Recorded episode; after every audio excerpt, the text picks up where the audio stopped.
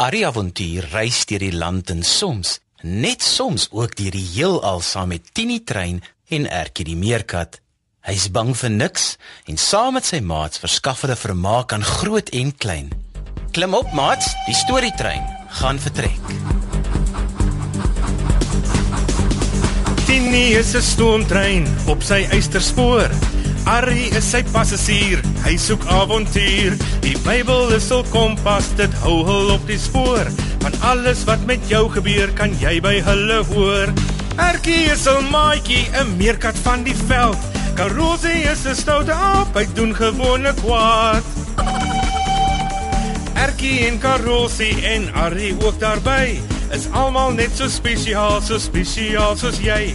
Kom nou maat, skuif nader, luister bietjie daar. Is dit dalk die Tini trein wat ek daar gewaar?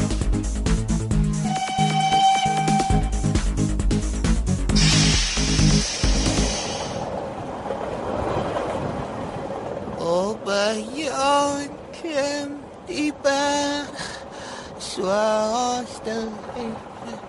Is dit tog nie Karosie wat in sy slaap sing nie? ja, dit is. Hou seker nog partytjie in sy drome.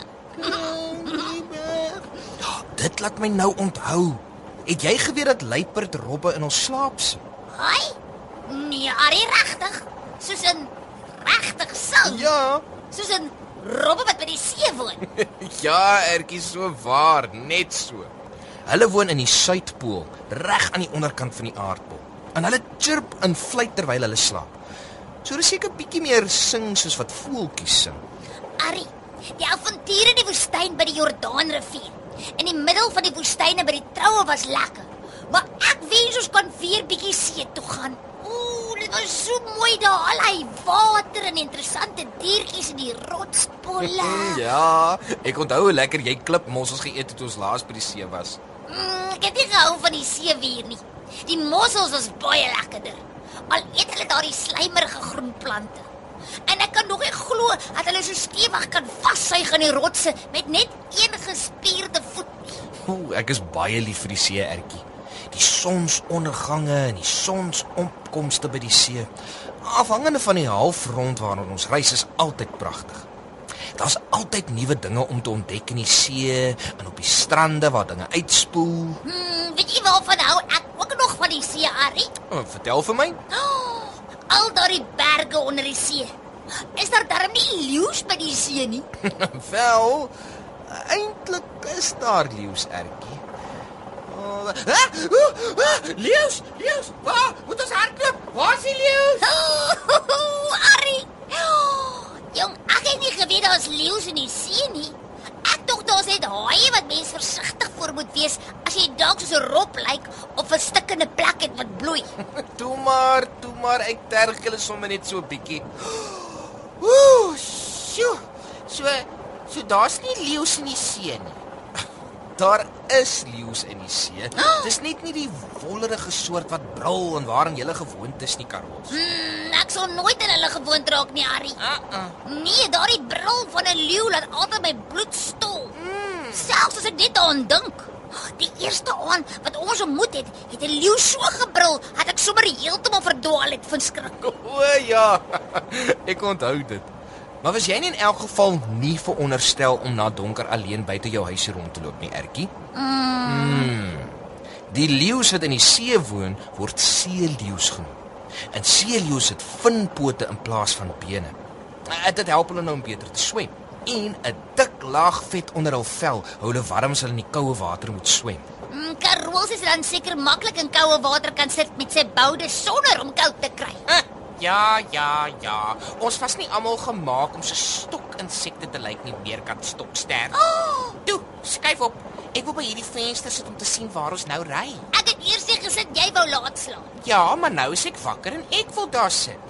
Jy het lank kans gehad om daar te sit. Dis nou my beurt. Ag, Skei uit julle twee. Julle gedra julle nou nes twee see-anemone wat beklei oor hul aasgebied. Julle lelike woorde aan mekaar is soos die klein skerp hakkies wat die anemone na mekaar toe skiet. Ag, jammer, Arnie. Mm, jammer, Arie. Ja, ons sal ophou. Ja, ons sal. Jy kan langs my kom sit Karols sien. Ah. Daar is plek vir ons albei by hierdie venster in die see. O, jy's reg, Karolsie. O, Harry, jy het ons weer see toe gebring. Dankie, dankie, dankie. Hoe kan ek vir julle na die Jordaanrivier toe bring, rondteem in die woestyn in Jerusalem en dan nie vir julle die see van Galilea kom wys nie? maar ek moet julle net sê, eh, die see van Galilea is nie eintlik deel van die see nie. Wag. Hoe nou? Maar kyk aan al die baie water. Ja, Ek kan glad nie die land aan die ander kant sien nie. Dit moet deel wees van die see. dis eintlik 'n reusagtige groot meer julle. Mm, dit het selfs vars water in. Wanneer ons stop en afklim kan julle maar gaan proe.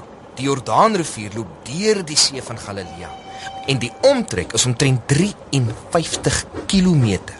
Dis 21 km lank en 13 km wyd. Sjoekos.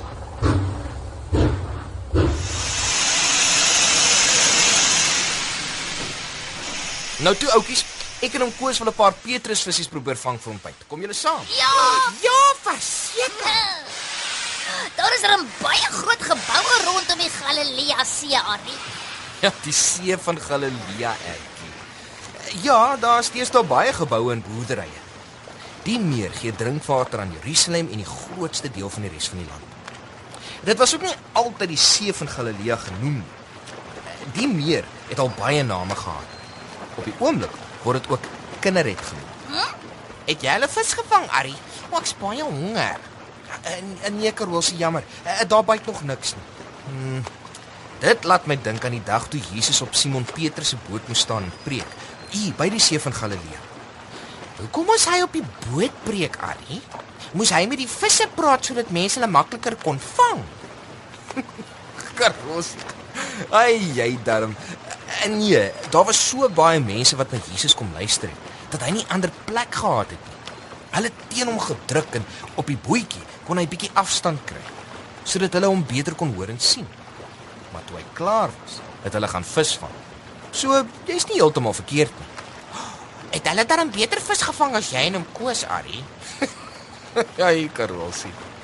Jesus het vir Simon Petrus gesê om na dieper water te roei en sy nette in te gooi om vis te vang. Simon Petrus was een van Jesus se disippels. So, mense sou dink dat hy al geleer het om Jesus se instruksies te vertrou. Nou wou hy nie vir Jesus luister nie, Arnie. Maar hy het geluister, maar nie voor hy eers gestry het nie.